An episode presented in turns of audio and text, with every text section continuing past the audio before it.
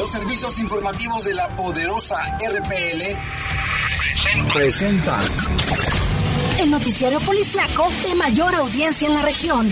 Bajo fuego.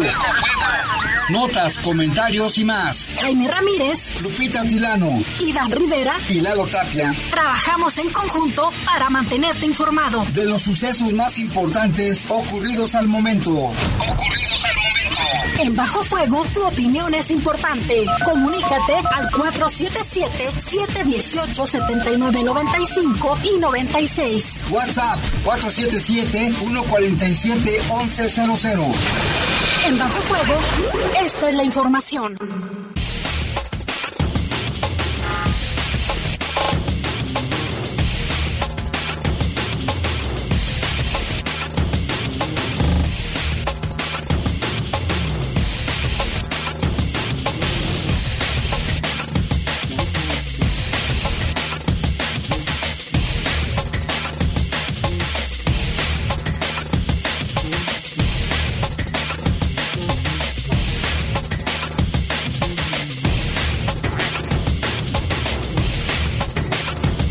Son las 7, las 7 de la tarde en punto. Hay muchísimo sol. Gracias por acompañarnos. Estamos ya iniciando precisamente bajo fuego en este lunes de 19 de abril del año 2021, también iniciando la semana. Les saludamos con mucho gusto en los controles Jorge Rodríguez Sabanero. Control de cabina general ya está ahí Brian Martínez, creo que sacó punta, ¿verdad? Se sacó punta, o sea, se cortó el pelo, creo que Brian. Y en los micrófonos estamos. Guadalupe Atilano, Jaime, qué gusto saludarte. Excelente lunes, ¿cómo estás? Bastante calor, ¿no, Lupita? y bastante sol. 29 grados, estamos en este momento. Y la máxima para hoy fue de 30, la mínima de 10. Hasta ahorita, a las 7 con 2 minutos, hay cero probabilidades de lluvia. No sabemos más adelante, todo puede cambiar. Y bastante viento, ¿eh? En el transcurso del día. Así de que se junta calor y viento, igual alacranes en sus casas, tengan cuidado. Y en mi casa salió otro, de este tamaño sin exagerar. no, ese parece un cocodrilo. no, bastante grande. Sí, hay que cuidarse, revisar bien las camas, los zapatos, porque luego se meten ahí en los zapatos. Una tía mía se puso su zapato y ahí estaba el alacrán. De preferencia, señala las autoridades en materia de salud que las paredes sean blancas. Blancas, para que colores pueda claros, sí. El alacrán o cualquier otro arácnido. También, Jaime, eh, recomiendan que no tengamos tilichero acumulado ahí. Ni en los patios. Y que los patios estén limpios.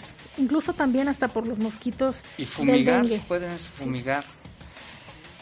Y bueno, yo soy Jaime Ramírez, vamos con un avance de la información. Pues mire, vamos a empezar con dos buenas noticias. ¿eh? La primera, encontraron en Puerto Vallarta sanos y salvos a los dos adolescentes, una niña de 14 y un niño de 13 años que estaban reportados como desaparecidos en León. ¿Se acuerda que les estuvimos comentando en los programas de Bajo Fuego al respecto? Ya se sabía que andaban juntos, ¿eh? Pues ya están ahí sanos y salvos, qué bueno, qué bueno que no pasó otra cosa. Mire, en otro caso, esto fue en Durango, ya fue localizado con vida un hombre originario de Salamanca que estaba desaparecido desde enero. Las fotografías realmente, Jaime, del antes y el ahora son impactantes. Impactantes, y na nada, ni se parecen. Y ahora fue en la colonia Parques del Sur donde encontraron bolsas con restos humanos. Un hombre perdió la vida tras ser atropellado por el tren, esto en el Boulevard Timoteo Lozano, aquí en el municipio de León. En información del país revela el INEGI que la mayoría de los clientes bancarios tiene miedo de sacar dinero de los cajeros automáticos. Y sí, ¿eh? Voltea uno para todos lados, revisas que no había algún artefacto en el cajero, vas pues, principalmente de día en zonas de donde hay este, gente, pero sí, te pones a pensar, no vaya a estar por aquí alguien viéndome. Volteo la cabeza como los halcones o los del de, el exorcista para ver si no hay alguien ahí cerca. De verdad, sí es cierto, ¿eh? En efecto. Y mire, en información del mundo, lamentablemente vuelve a ocurrir otro caso, Jaime. Rescatan en el río Bravo a dos niños hondureños. Sabemos que esto de la migración es pan de todos los días y muchas veces termina en tragedias. Y terrible que los niños vayan solos, ¿eh? niños pequeños. Estaban adentro del agua del río y los localizaron asustados, mojados, imagínate. Son las 7 con 4 minutos, una pausa, regresamos. Comunícate con nosotros al 477-718-7995 y 96. WhatsApp 477-147-1100. Regresamos a Bajo Fuego. Estás en Bajo Fuego. Bajo Fuego. La vacunación en México está avanzando. Cada día son más las doctoras, enfermeros y adultos mayores que ya se protegieron contra el COVID-19 y en Morena donaremos la mitad de nuestro presupuesto para la compra de más vacunas. Ya entregamos los primeros 50 millones de pesos para que las vacunas sigan llegando de forma gratuita a todo el país, porque la salud es un derecho, no un privilegio. Morena, la esperanza de México. La pandemia no fue culpa de Morena. No haber reaccionado de forma rápida e inteligente sí lo es. La violencia en el país no es culpa de Morena Tratar a los rateros y asesinos con abrazos y dejar que el crimen organizado controle el país, sí lo es. La crisis económica del 2020 no fue culpa de Morena. No haber evitado que más de un millón de negocios cerraran, sí fue culpa de Morena. Ponle un alto a Morena y a la destrucción de México. Vota por las candidatas y candidatos a diputados federales del PAN. Las mentiras caen por su propio peso. La improvisación y la incapacidad agravaron la enfermedad y el dolor el fanatismo y la irresponsabilidad generaron más muertes que se pudieron evitar. Lo están haciendo muy mal. ¡Alto! Pongamos un alto a Morena y al criminal manejo de la pandemia. Va por ti, va por tu familia, va por México. Vota PRD. Estás en Bajo Fuego. Bajo Comunícate con nosotros al 477-718-7995 y 96. WhatsApp 477-147-1100. Continuamos en Bajo Fuego.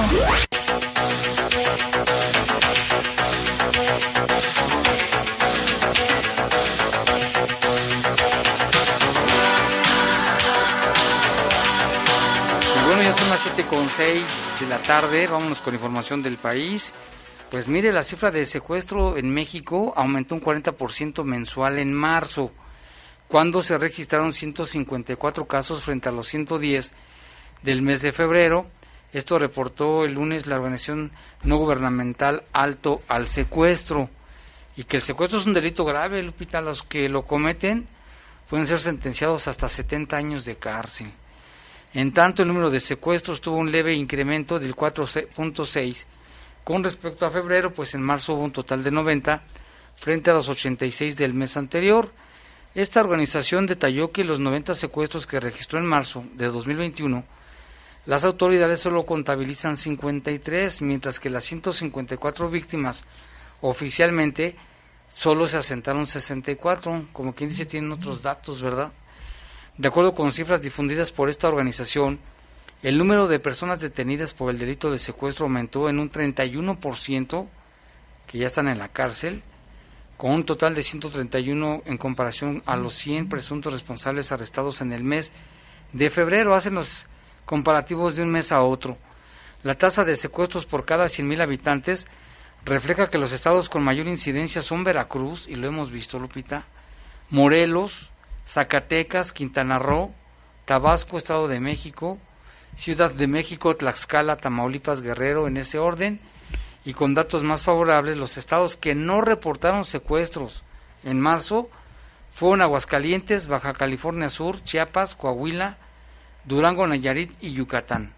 También informó que solo el 5.5% del total de las víctimas fueron atendidas por autoridades federales.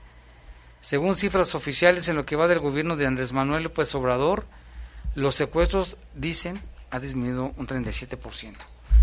Pues de ser así que bueno, pero mientras sigan existiendo secuestros, pues es grave. Y mire, en Jalisco se reportó una balacera, esto fue en la colonia Chapalita, en la ciudad de Guadalajara, esto durante la mañana de, de lunes. Ante el hecho, personal de seguridad de la entidad realizó un operativo en la zona. A través de su cuenta de Twitter, la Fiscalía General del Estado de Jalisco informó de un incidente de seguridad en la colonia ya mencionada, por lo que solicitó apoyo para asegurar la zona. Literalmente se dijo que al momento se registraba ese incidente de seguridad en la colonia Chapalita, solicitando el apoyo para dar paso a las unidades de seguridad. Según los primeros reportes, esta balacera se habría registrado en las calles Chapalita y Crepúsculo, donde se presume que oficiales de la policía de Guadalajara descubrieron a un grupo de hombres armados. Aunque otras versiones señalan que los agentes habrían acudido a atender un reporte de personas sospechosas al interior de un domicilio.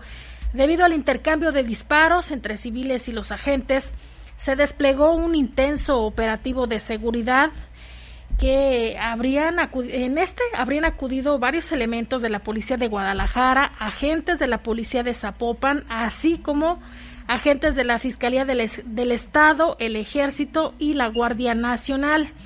De forma extraoficial se dijo que dos personas habrían perdido la vida y seis fueron detenidas. Por su parte, Enrique Alfaro, gobernador de Jalisco, confirmó el enfrentamiento en la colonia Chapalita a través de sus cuentas de Twitter.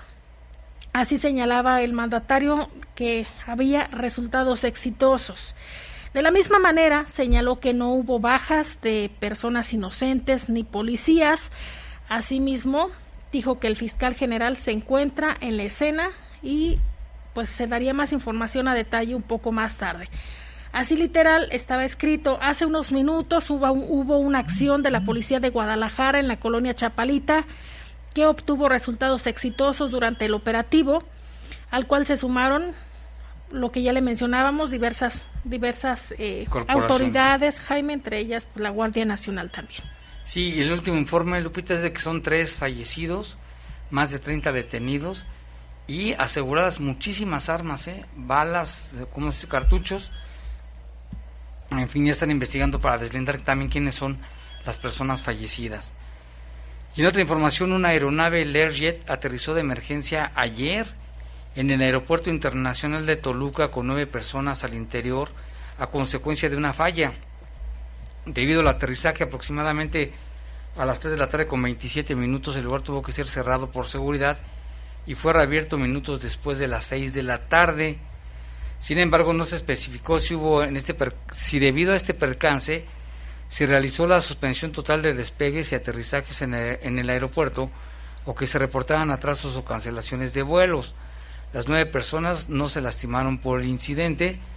En videos que circulan ya en redes sociales se observa a unidades de emergencia rociando con agua la avioneta privada, un Learjet, de este tipo de avioneta como es en la que iba, ¿cómo se llama? Jenny Rivera y también el, el secretario este que, se cayó en la Ciudad de México también llevaba un Learjet, este, ahorita me acuerdo cómo se llama, y este avión venía procedente de Cancún. En las imágenes se observan las maniobras que realizaron elementos de protección civil del aeropuerto de Toluca para auxiliar a la nave afectada de la que se desprendía una columna de humo que se levantó del lado izquierdo Cabe mencionar que las causas que provocaron el percance serán determinadas por las autoridades aeronáuticas. Esta nave es un reactor de transporte ejecutivo, comercial y militar con capacidad para 8 o 10 pasajeros, dependiendo de su configuración de, y que fue introducido al mercado desde el año 1967. Pues sustazo, ¿eh? Porque si no sé si viste el video, Lupita. Sí, Jaime, se ve impactante. Y mire, en otro tema, también información del mundo, lo que ya mencionábamos, Jaime, un desgarrador rescate eh, fue el que se, se realizó por parte de oficiales de migración allá en Texas al salvar a un par de niños hondureños que aguardaban solitos dentro de un río. Escenas como estas se están viviendo a diario en el río Bravo, Río Grande, donde pequeños son captados ya sea cruzando el río, siendo lanzados desde la cerca fronteriza de este muro e incluso cruzando a su suerte por el desierto y hemos eh, dado a conocer en este espacio esos casos tan lamentables a través de un video que fue compartido por directivos de la patrulla fronteriza en el sector de Texas. Se ve Jaime y se va narrando pues el rescate de estos pequeñitos cuando estos agentes patrullaban la zona a bordo de una embarcación. Se aprecia cómo los niños escondidos entre unos matorrales, cuando los oficiales los ven, se acercan y ayudan a estos pequeños a subirse. No se apreciaron adultos, Ellos iban Estaban solitos. solitos, imagínate. Y también en otra información, mire, más del 78% de los mexicanos se sienten inseguros al utilizar los cajeros automáticos localizados en la calle. Esto lo reveló la encuesta nacional de seguridad pública realizada por el INEGI. En esta investigación que se hizo durante la primera quincena de marzo, los resultados mostraron que este y otros de los espacios que la población mayor de 18 años consideran seguros son el transporte público con un 71%, el banco 63%, las calles que habitualmente usan 59% y principalmente tienen miedo en la ciudad de que viven el 66% de la población. En este sentido, las ciudades con mayor percepción de inseguridad en el país son Fresnillo, Ecatepec de Morelos, Cuernavaca, Gustavo Madero, Uruapan y Guadalajara, mientras las que transmiten mayor seguridad son San Pedro Garza García, Tampico, San Nicolás de los Garza, Los Cabos, Piedras Negras y la ciudad de Mérida. Vamos a Mérida. La percepción de inseguridad siguió siendo el mayor caso de las mujeres con un 71%, mientras que para los hombres fue de un 60%. A partir de marzo de este año, en el apartado de problemáticas urbanas, se estima que el porcentaje de personas que identificaron hospitales saturados o con servicio deficiente como uno de los problemas más importantes también que se da en las ciudades. Y allá en Estados Unidos, pues continúan con el tema de la vacunación a través de la Casa Blanca.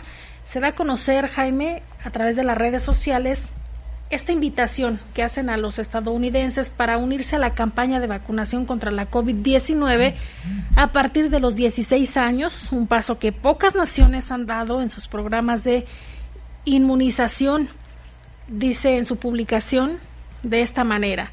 A partir de hoy, todos los estadounidenses mayores de 16 años son elegibles para recibir la vacuna eh, contra la COVID-19. Ayude a difundir la noticia y anime a su familia, amigos y vecinos a vacunarse. En tanto, el presidente Joe Biden comentó en un video que todos los ciudadanos de Estados Unidos mayores de esta edad, mayores de 16 años, pueden recibir su vacuna eh, COVID-19, así lo dice. Dice, tenemos suficientes vacunas para proteger a todos los ciudadanos que necesiten. Entonces, por favor, recibe esta vacuna. Fue el exhorto que hizo el mandatario estadounidense. Eh, cabe mencionar también, Jaime, que eh, esta farmacéutica Pfizer, en sociedad con la farmacéutica alemana BioNTech o BioNTech, desarrollaron la que sería una vacuna contra la COVID-19 usada en el mundo. Además, poseen una planta de fabricación en Bélgica y otra en Estados Unidos. Esta última se ocupa principalmente del abastecimiento en el país. La vacuna contra la COVID-19 de Pfizer y BioNTech es exitosa para los jóvenes de entre 12 y 15 años, pues ya demostró una eficacia del 100%. Los ensayos de la fase 3 se realizaron en 2000 260 adolescentes de Estados Unidos y arrojaron una sólida respuesta de anticuerpos, fue lo que dieron a conocer ambas farmacéuticas a través de un comunicado. Pues qué bueno, ¿no? Ya allí en Estados Unidos, a, a, partir de si usted tiene 16 años o más, ya se puede vacunar. Todos se pueden vacunar. Pocas naciones ahorita tienen han, esa facilidad. han tenido Imagínate esa que si fuera aquí, que todos nos podemos vacunar. Pero bueno, eso es allá en Estados Unidos. Y también allá el fiscal en, juicio por la muerte del afroestadounidense George Floyd instó a los miembros del jurado a condenar al ex policía blanco acusado de asesinato, ya que señalan que la detención del hombre negro grabada en video fue un abuso de autoridad impactante.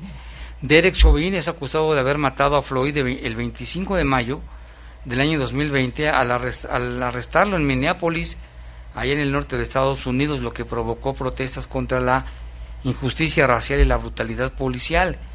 Este caso es exactamente lo que pensaron cuando vieron por primera vez el video, dijo el fiscal Steve Slater en los alegatos finales del juicio a Chauvin.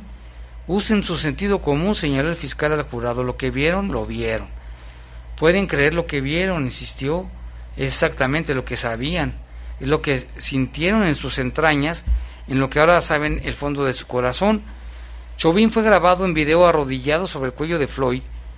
¿Quién no vio ese video, Lupita? Todos lo vimos.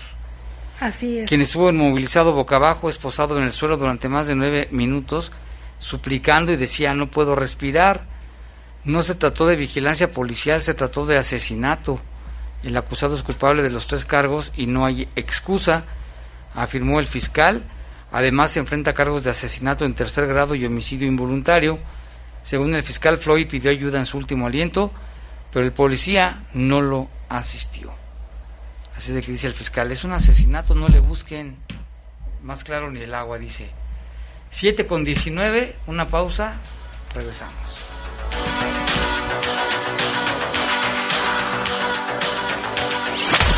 Comunícate con nosotros al 477-718-7995 y 96. WhatsApp 477-147-1100. Regresamos a Bajo Fuego.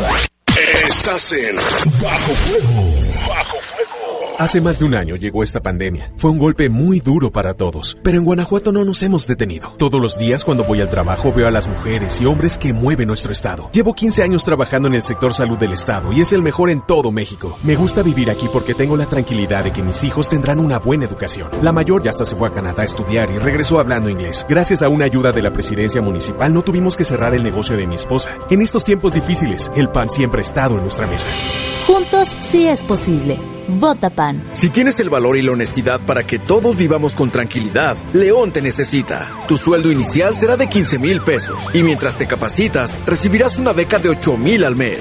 Informes al teléfono 477-778-4632 y WhatsApp 477-720-8816. León. Gobierno Municipal. En Morena seguimos haciendo historia y estamos listos para seguir luchando por un país más justo e igualitario. Nos mueve la fuerza, el entusiasmo y las causas de la gente para demostrar de nuevo que el pueblo es el que manda y juntos consolidar la cuarta transformación. Este movimiento le pertenece a millones de corazones unidos en un mismo sentimiento, el compromiso de transformar a México. Juntos vamos a defender la esperanza. Morena. Estás en Bajo Fuego. Bajo Comunícate con nosotros al 477-718-7995 y 96. WhatsApp 477-147-1100. Continuamos en Bajo Fuego.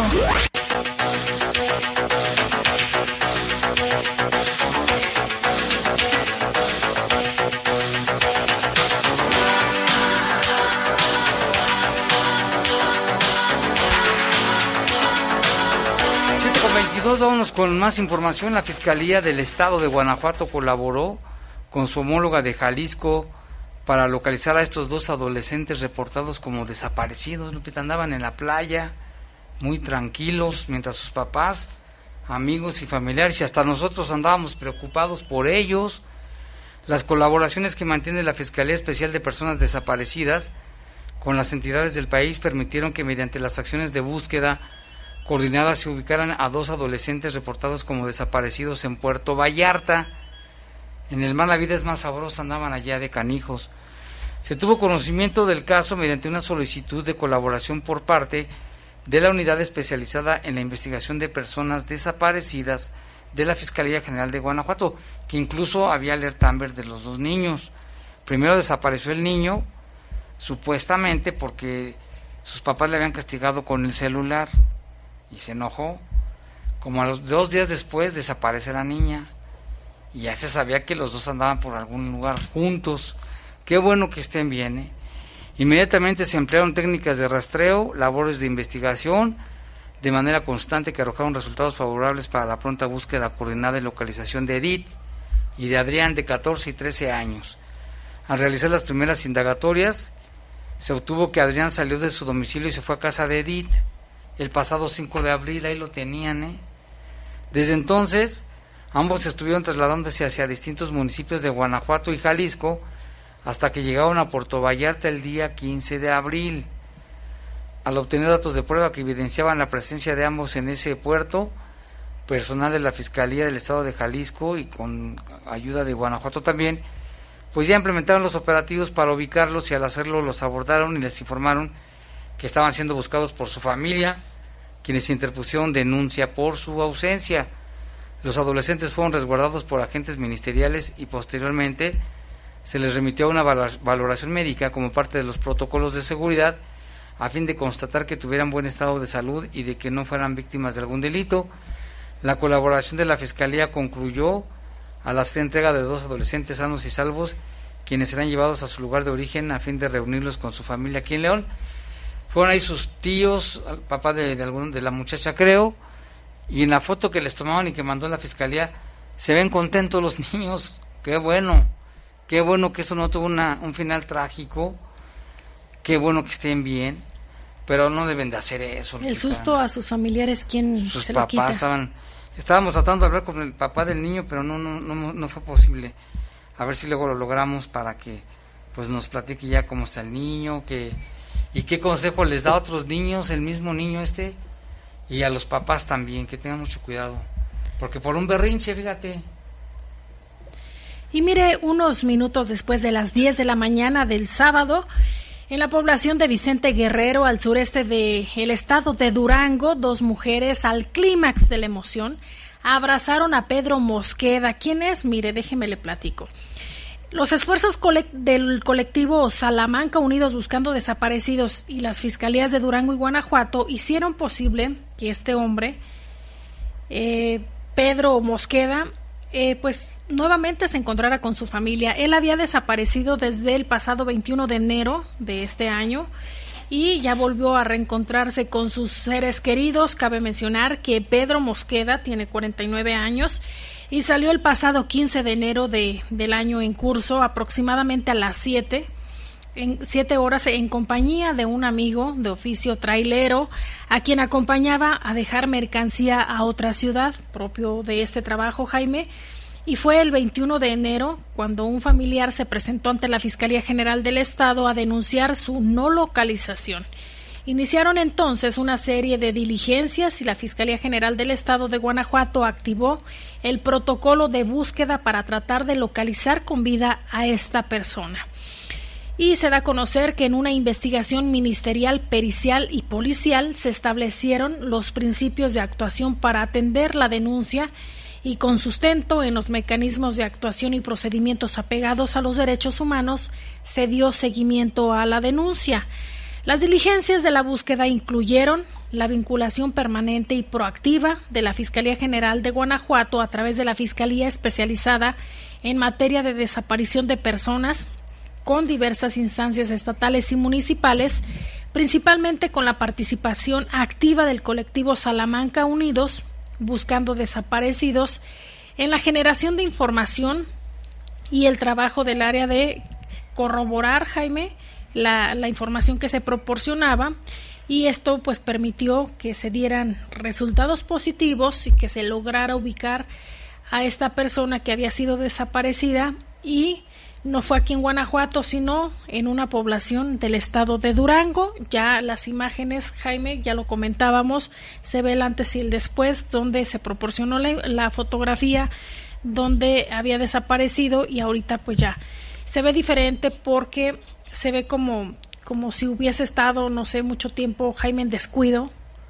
Desaliñado, sucio. Ajá, como... Cabello largo, barba. Como un indigente. Como un indigente, sí. Y la foto que, que presentado cuando desapareció, pues de traje, parece un ejecutivo, un empresario y pues ojalá que bueno que esté ya con su familia, si necesita algún tratamiento, pues ojalá que bueno, seguramente ya lo van a, canalizar, lo van a ayudar y todo, qué bueno que está bien eh, también. Así es, seguramente Jaime cuando lo localizaron eh, tuvieron que ver cuál era su estado de salud y así las recomendaciones para sus familiares. Aquí lo, lo bueno de esta noticia es que se encontró con vida. Con vida, y ya lo dice el comunicado, ¿no? Su familia al verlo se abalanzaron, se abrazaron. Estaban felices, Jaime. Qué bueno, otra historia con un final feliz y bueno, porque cuántos casos no se sabe de las familias o lamentablemente los encuentran fallecidos, ¿no? En fosas, Jaime, lo más triste. Y aquí nos reporta nuestro amigo reportero Rafael Vargas, dice que en la, en la carretera Santana del Conde localizaron una persona fallecida y en la Piedra Azul, en la colonia Piedra Azul, una mujer lesionada con arma de fuego que al parecer ya falleció en un hospital. Fíjate nada más. Esto aquí en León, eso hace apenas cuando mucho un par de horas. Y otra información, precisamente, bueno, en esta tal vez sea la misma, en Santana del Conde, en el entronque con los Ramírez, localizaron, bueno, aquí es otra, un cuerpo humano sobre la vía pública. Hasta esta tarde no está identificado. Al parecer se le detectan huellas de violencia. Y este es otro caso, Lupita, pero por ahí mismo, por el rumbo, eh, lo localizaron también ya en avanzado estado de descomposición. Llegaron ahí los peritos, los agentes de investigación. Y bueno, pues ya los médicos forenses se encargarán de, de buscar algo que, que pueda ayudar a su identificación primero y después esclarecer causa de muerte y si es un crimen, pues también esclarecerlo. Y mire, por favor, no intente ganarle al tren. Lamentablemente se da otra noticia, Jaime, de una persona fallecida por esta causa. Se trata de Rigoberto, tenía 42 años. Eh, él mismo pues falleció a consecuencia de un atropello por el tren. Los hechos se registraron después del mediodía de, de esta tarde, se da a conocer, que fue en Boulevard Delta, esquina con el Boulevard Timoteo Lozano, en la colonia Jesús María. Pues no ha sido todavía identificado, no se proporcionan más datos de él, únicamente se da a conocer que la causa de muerte fue por atropellamiento. Sí, también no, dice atropello porque no dice que impactó en un vehículo ni nada, sino que fue atropello. Pues qué triste noticia para su familia, ¿no? También en otra información, allí en la colonia Parque Parques del Sur se reportó la localización de restos humanos. Concretamente fue el reporte hecho al, filo de las 10 de la mañana en el Parque Tropisca, esquina con Parque Nacional Morelos. Ahí, según el reporte, decían que encontraron partes humanas en la calle. Ahí localizaron una bolsa negra de esas que se usan para la basura y un cobertor café, los cuales contienen, parece de película de terror, restos humanos. Siguen, Lupita, siguen, ¿eh? Y mire, trasciende que aquí en el municipio de León, a través de las redes sociales, comenzó a circular un video en donde se observa la manera en que un hombre fue asesinado a balazos. Esto fue al parecer el pasado 10 de abril en el barrio San Juan de Dios. En la grabación de apenas 25 segundos, tomada de una cámara de videovigilancia, se observa a la víctima caminar sobre la calle Centenario y metros más adelante antes de llegar a la esquina, a la altura de... Ahí está un bar ubicado en, esa zona, ahí donde está la chupa rosa. Pues ahí fue atacado Jaime, es lo que circula a través de las redes sociales. En el video se aprecia cuando el hombre baja la banqueta para intentar cruzar la calle, pero en ese momento un sujeto se le acerca, lo corretea algunos metros, posteriormente le dispara en al menos cuatro ocasiones. La víctima intentó huir, pero fue alcanzada por las balas y se desvaneció entre dos vehículos que se encontraban estacionados. Sí, porque se ve en el video, Lupita, no sé si lo viste, cómo sale del, del bar, camina y su victimario pues ya lo estaba esperando. Se le deja ir, él reacciona, trata de escaparse, logra meterse entre dos vehículos que estaban estacionados, se agacha y luego sé cómo le disparan y ya ves cuando la, la, la, pistola lanza una flamita, se ven los disparos y después huye el asesino. Eh, impresionante el video ¿eh? que está en redes sociales. Y también en otra información, en audiencia judicial, un agente del Ministerio Público formuló imputación a José de Jesús y Francisco Alejandro y obtuvo que fueran vinculados a proceso penal por los hechos que la ley señala como delitos de robo, calificado y robo equiparado con medida cautelar de prisión preventiva. Resulta que el pasado 6 de abril, elementos de la Guardia Nacional fueron alertados que sobre la calle Antonio de Mendoza, en el fraccionamiento Las Estancias, reportaban un robo de un vehículo en proceso y que los delincuentes eran seguidos por el ofendido, precisamente sobre el Boulevard San Pedro, en la colonia Las Estancias, allá en Salamanca. Al ir al encuentro de la persona agraviada, un hombre de 42 años, los elementos obtuvieron características sobre la unidad robada, un vehículo Volkswagen, el cual tuvieron a la vista en la calle Laguna Verde de la colonia Soto Inés de Salamanca, estamos hablando de Salamanca, el cual fue estacionado frente a un domicilio y de ahí bajaron dos sujetos quienes de manera posterior fueron identificados por el propietario como los ladrones. Al notar la presencia de los elementos, los dos sujetos abandonaron el vehículo robado, abordaron un vehículo Nissan en el que se encontraba estacionado metros adelante, al huir fueron perseguidos y luego se metieron a un fraccionamiento que se llama Las Estancias, donde abandonaron la unidad y huyeron a pie, pero pues fueron alcanzados metros adelante. Se trata de José de Jesús de 28 años y Francisco Alejandro de 24, quienes de inmediato fueron detenidos y puestos a disposición del Ministerio Público, donde se llevó a cabo la indagatoria e integración de la carpeta de investigación.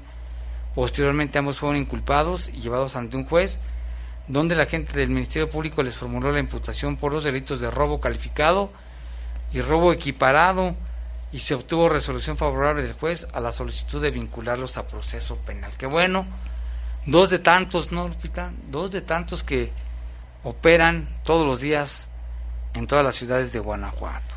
Y mire, la Secretaría de Seguridad Pública de León da a conocer que luego de una persecución que concluyó en una volcadura, dos hombres armados fueron detenidos en la comunidad de ladrilleras del refugio.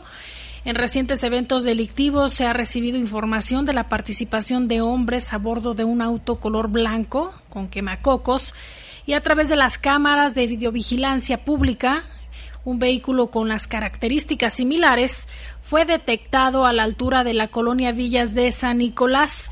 Elementos de la policía del sector fueron informados, por lo que se dieron a la tarea de localizar el vehículo. Al ver la presencia de las unidades, el conductor del automóvil aceleró la marcha y empezó a zigzaguear entre los carriles. Al llegar a la altura de la comunidad Ladrilleras del Refugio, el conductor tomó una glorieta, perdió el control del automóvil y se salió del camino. En el auto en que viajaban, dos hombres que resultaron con golpes por el accidente vial, por lo que fueron atendidos por paramédicos de, de protección civil Dentro del coche se encontraron dos armas de fuego, dos cartuchos y los hombres se identificaron como Israel y José, José Alberto de 35 años. Las autoridades de la Fiscalía General del Estado se encargarán ya de realizar la investigación correspondiente y determinar su situación legal, Jaime, en este caso. Y en otra información, el alcalde de León, Héctor López Santillana, volvió a reiterar que cualquier policía, que esté involucrado en actos delictivos este, van a ser castigados. ¿Esto por qué, Lupita? Porque, pues, ¿cuántos casos ha habido? Recientemente, ¿te acuerdas de los cinco? Que, ya fueron vinculados a proceso. Que querían sacar una lana a la familia de un adolescente que traía 14 pastillas psicotrópicas. Y bueno, este es uno de tantos casos. El alcalde volvió a decir que no se tolerará ningún acto de corrupción ni ningún mal elemento. Que no todos son malos, ¿eh? Hay buenos elementos, conocemos a, elementos que sí son celosos de su deber, como decían por ahí. Que son muy comprometidos, Jaime. Y aquí, mira, nos dicen saludos hasta Tierra Blanca, Guanajuato. Ah, qué bonito municipio, ¿eh? Hay aventeles de un parapente. Las cactáceas, Jaime. Las cactáceas gigantes, las águilas, los nidos de águilas que hay allá.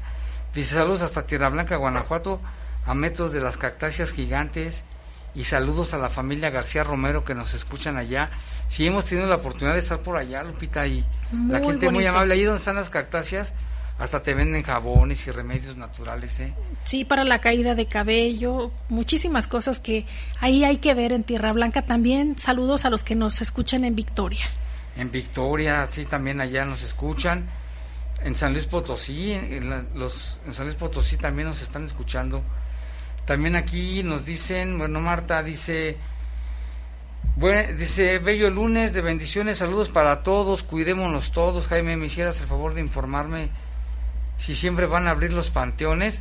Sí, ya se reabrieron, ¿eh? ya, pero con aforo controlado, con todas las medidas sanitarias, pero eso sí, van a permanecer cerrados el día del niño, el día de las madres, el día del padre, el día primero y 2 de noviembre pero sí ya se, se abrieron, al ratito le paso toda la información que tenemos aquí. Saludos para Carlos Vivero Chicurel, dice que nos invita a ver su canal, Chi, Chicurel Channel. Ok, my friend. Gracias por la invitación. Vamos a checar tu canal. Y aquí dice, ¿qué tal? Dice, desde La Poderosa les mando muchos saludos. Soy el señor Ramos y estaba escuchando que no tienen agua en algunas colonias. Están batallando con el agua cuando muchos los tengan. Tenemos, si no, si no la cuidamos. Tengo una vecina que quita el medidor y lo quita, ponen la llave y se roba el agua. Dice, y en su, alber, en su alberquita, eh, hacen su alberquita de inflables, tiran mucha agua. Los puede reportar eh, de manera anónima a Zapal al 073 o 072, que es de atención ciudadana. Pásele bien la dirección para que vayan inspectores a ver cómo esa gente está tirando el agua.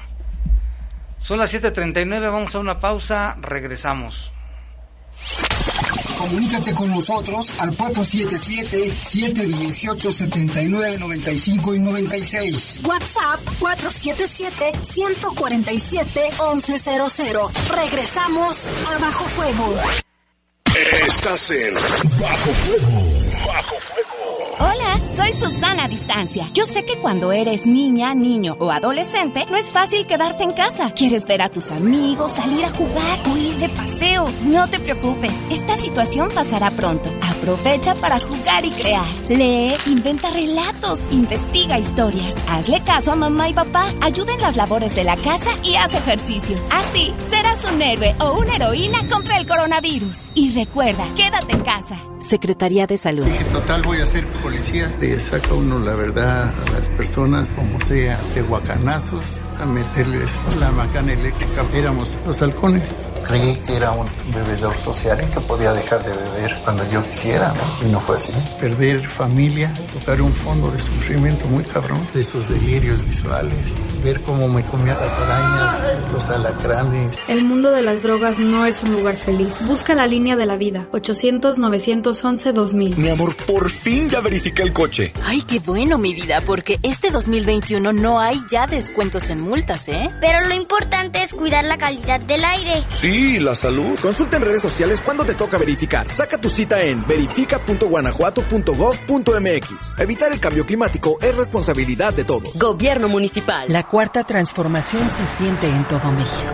En cada hogar, en cada sonrisa, en la semilla que toca nuestra tierra, en la mirada de los más sabios. La transformación se siente en nuestra historia y en el futuro construyéndose con más oportunidades. Se siente en cada calle segura, en cada sueño alcanzado y en el combate a la corrupción. La cuarta transformación se vive y se puede ver. Morena. Vota por las diputadas y diputados federales de Morena. Coalición Juntos Hacemos Historia. Estás en Bajo Fuego. Bajo Comunícate con nosotros al 477-718-7995 y 96. WhatsApp 477-147-1100. Continuamos en Bajo Fuego.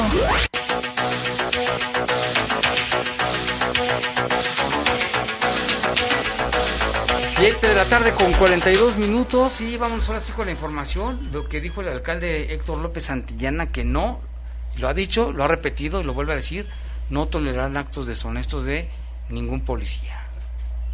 El alcalde Héctor López Santillana aseguró que los policías involucrados en hechos delictivos serán sancionados y presentados a la autoridad. Pidió a la ciudadanía denunciar a los malos elementos. Es esta política muy clara y muy firme de que aquellos que fallen a la confianza somos los primeros en sancionarlos y presentarlos ante la autoridad. Así que eh, agradecemos muchísimo la la denuncia que nos hacen los ciudadanos, que no se dejen intimidar, por favor, de nadie, que tenemos los mecanismos y estamos demostrando cómo ante el reporte ciudadano estamos interviniendo, interviniendo con energía, interviniendo rápidamente para que este tipo de conductas eh, se inhiban, se sancionen y permitir que entonces los elementos que estén activos estén al servicio de la población. Pues son temas humanos que nunca podremos cruzar los brazos ni decir que ya hemos logrado algo.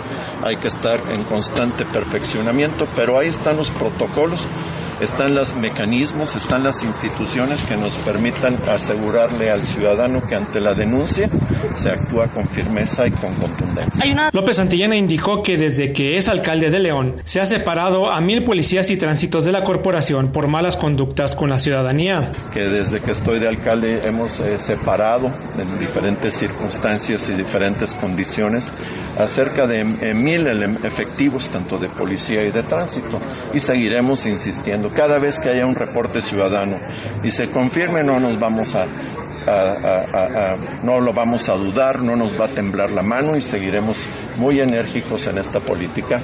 El presidente municipal pidió a los ciudadanos denunciar y aseguró que se garantiza anonimato en la queja de los ciudadanos. Informó para el Poder de las Noticias Jorge Camarillo. Pita, a los policías se les olvida que ya hay cámaras donde quiera y cualquier persona tiene cámaras. Y hagan lo que hagan, ahora sí que el mundo los vigila. De ahí, gracias a esos este, videos o, testimonios de personas, vecinos, cámaras y demás, es como se ha logrado que estos policías digan, no pueden decir que no es cierto si están las evidencias. O ya siquiera por eso que se porten bien, porque pues saben que son blanco de los celulares, ¿eh? en cualquier momento y en cualquier situación y a cualquier hora. Y por otra parte, Jaime, un hombre fue detenido, esto fue en la colonia San Felipe de Jesús, por la aportación de 400 envoltorios de presunto cristal. Esto fue a través de un patrullaje de vigilancia en la zona ya mencionada, cuando los oficiales de policía revisaron a un sujeto que se comportó de manera evasiva cuando vio la unidad de policía en la calle Mesopotamia, casi esquina con Avenida Ación fue detenido Jonathan de Jesús, tiene 20 años, o al menos así lo manifestó. A él se le revisó, se pudo eh, pues identificar que este sujeto portaba estos envoltorios al ser revisado para descartar fuentes de riesgo para la ciudadanía.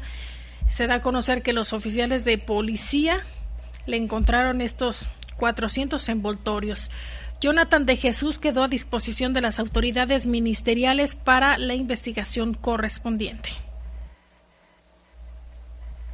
Pues ahí está, qué bueno que lo atraparon.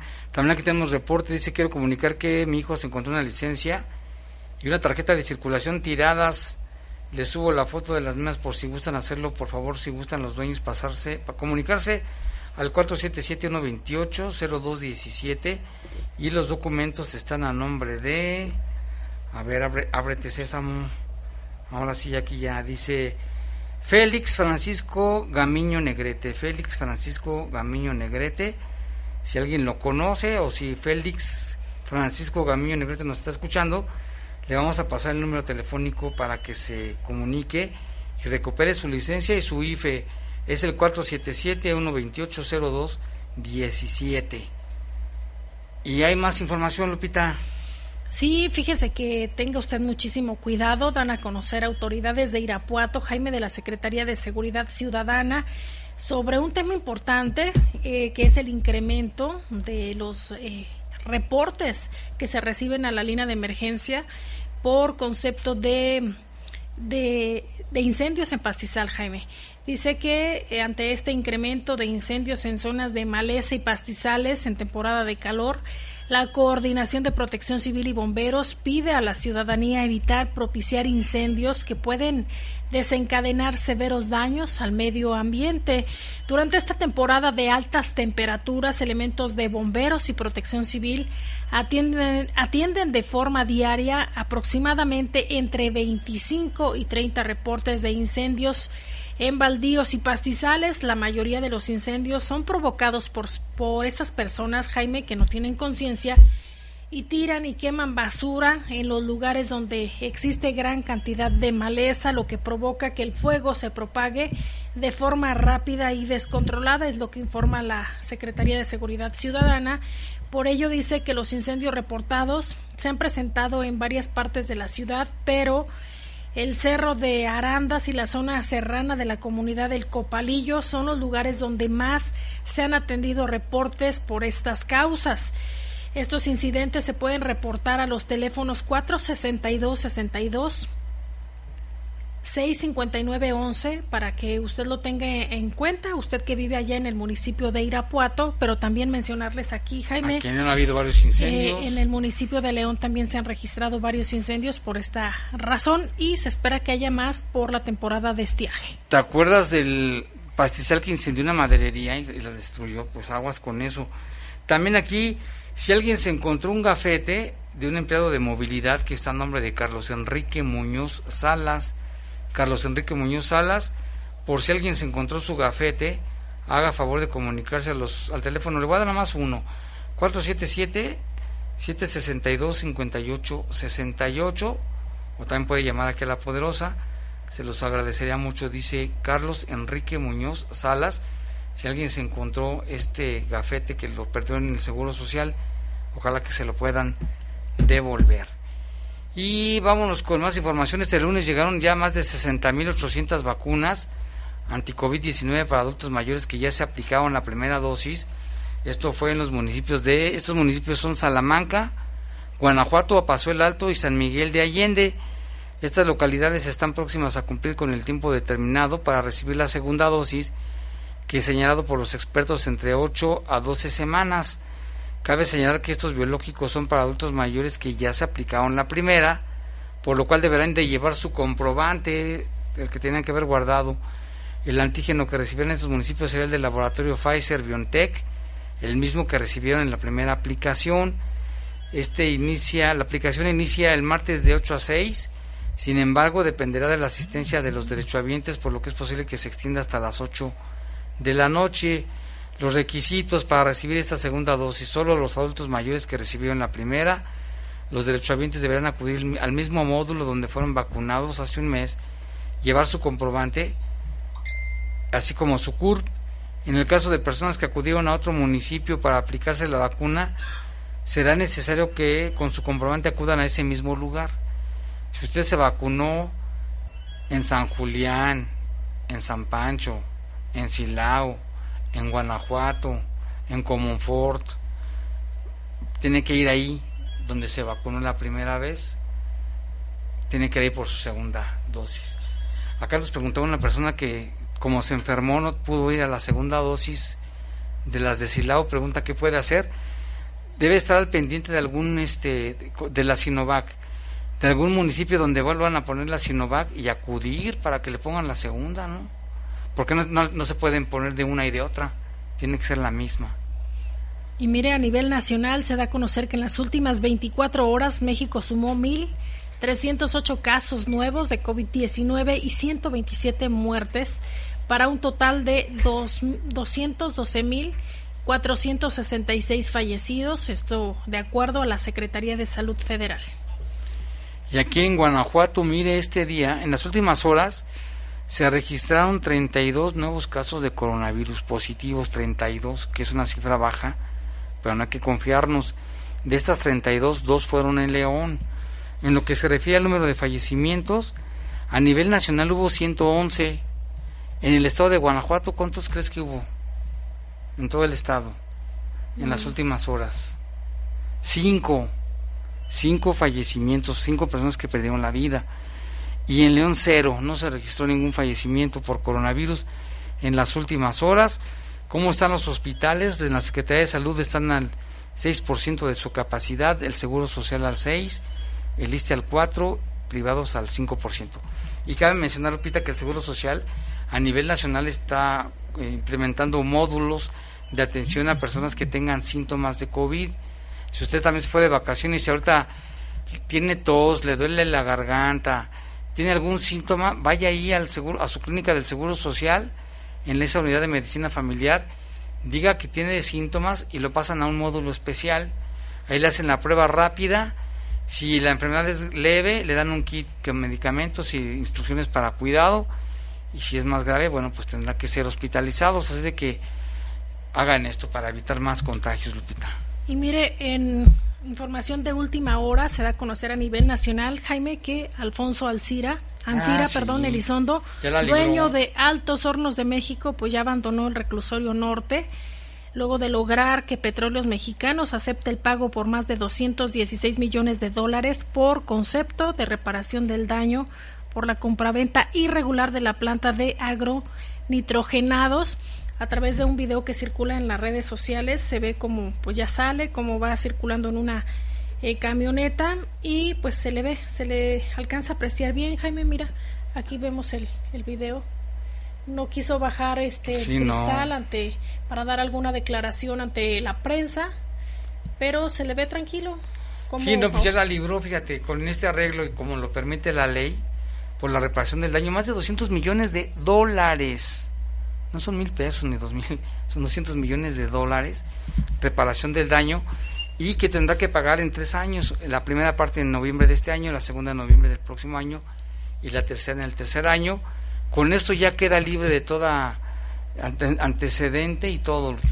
Y mire, esto sucedió hace un ratito, ¿eh? a las 19 con 30 horas. el empresario fue cuando abandonó el estado de reclusión.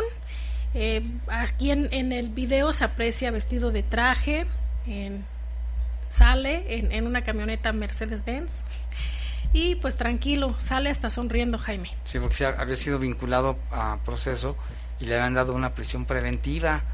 Entonces ya los abogados pues se llegaron a un acuerdo de cuánto es la reparación del daño de esta compra pues, de la chatarra que era Altos Hornos de México, la agronitrogenados, ¿no?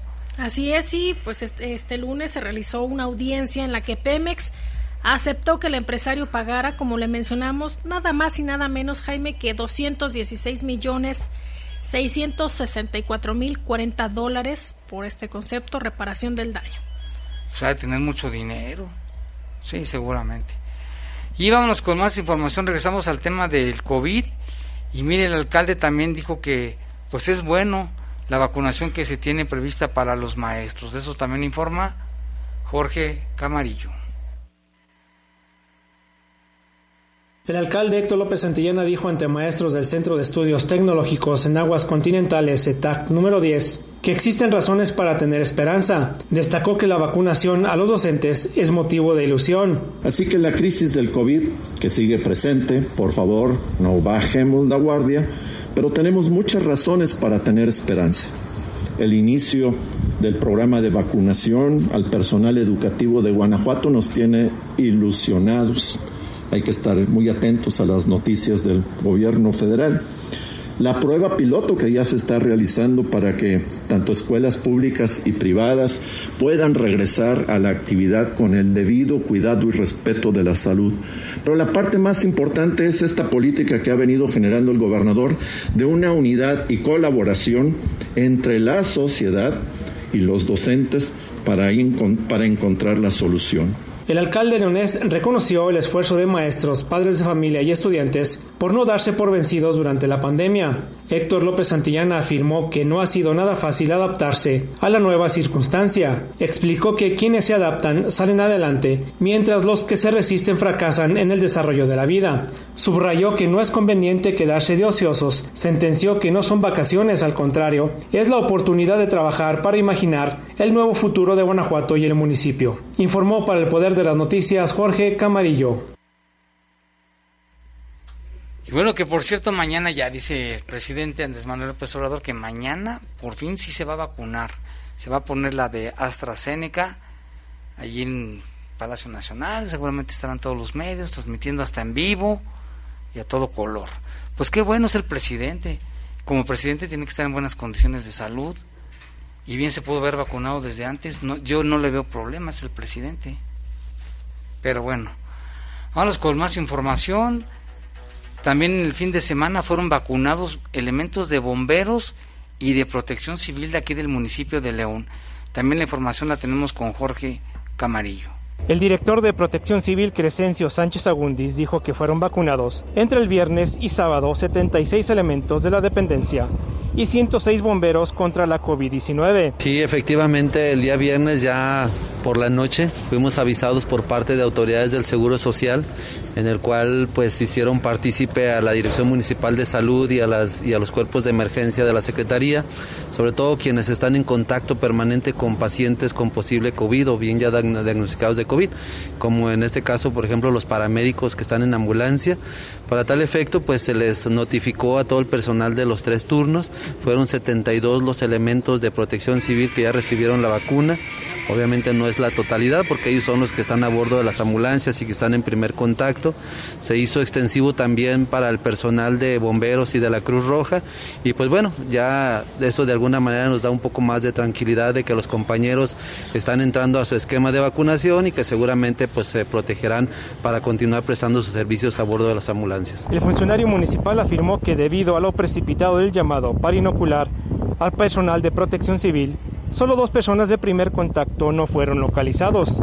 Sin embargo, adelantó que en los próximos días serán inmunizados todo el personal que falta de la dependencia municipal. Sánchez Agundis informó que el personal a su cargo se le la vacuna de la farmacéutica Pfizer, la cual requiere de un refuerzo en un lapso de un mes. El director de Protección Civil fue enfático al declarar que si bien ya recibieron la primera dosis contra la COVID-19, eso les da tranquilidad, pero no se pueden confiar y deben reforzar las medidas sanitarias, sobre todo protegerse o aislarse cuando se atienden pacientes con probable COVID o si están confirmados. Informó que del año a la fecha, 38 empleados de la dependencia dieron positivo por coronavirus. Informó para el Poder de las Noticias Jorge Camarillo.